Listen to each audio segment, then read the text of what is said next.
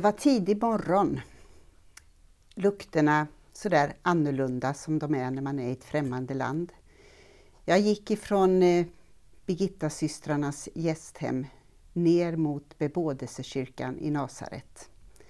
Där inne pågick en eh, andakt eller en mässa.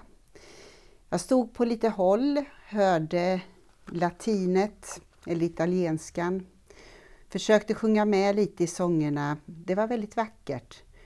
Och eh, plötsligt så var det som att det slog mig när brödet och vinet delades i den gudstjänstfirande gemenskapen. Hur starkt det är med bebådelsen. Hur starkt det är att Gud blir människa. Hur starkt det är att Maria, den unga kvinnan, tar emot denna uppgift att bära Guds son, Guds barn, in i världen. Det var en eh, omvälvande upplevelse för mig som jag ville dela med dig idag. Mycket för att jag tror att den fjärde advent, då Herrens moder är temat för våra söndagar i kyrkåret, kommer att på något sätt försvinna genom att vi har julafton samma dag som fjärde advent.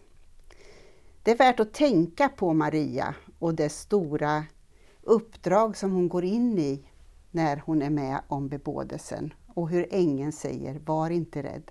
Men det är klart att hon var, att bära Guds barn in i världen. Så jag vill att vi ska be för kvinnor som är barn, män som ska bli fäder och barn som föds till vår jord idag.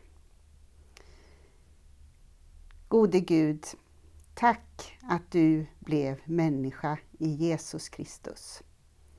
Tack att Maria sa sitt ja och bar dig in i världen.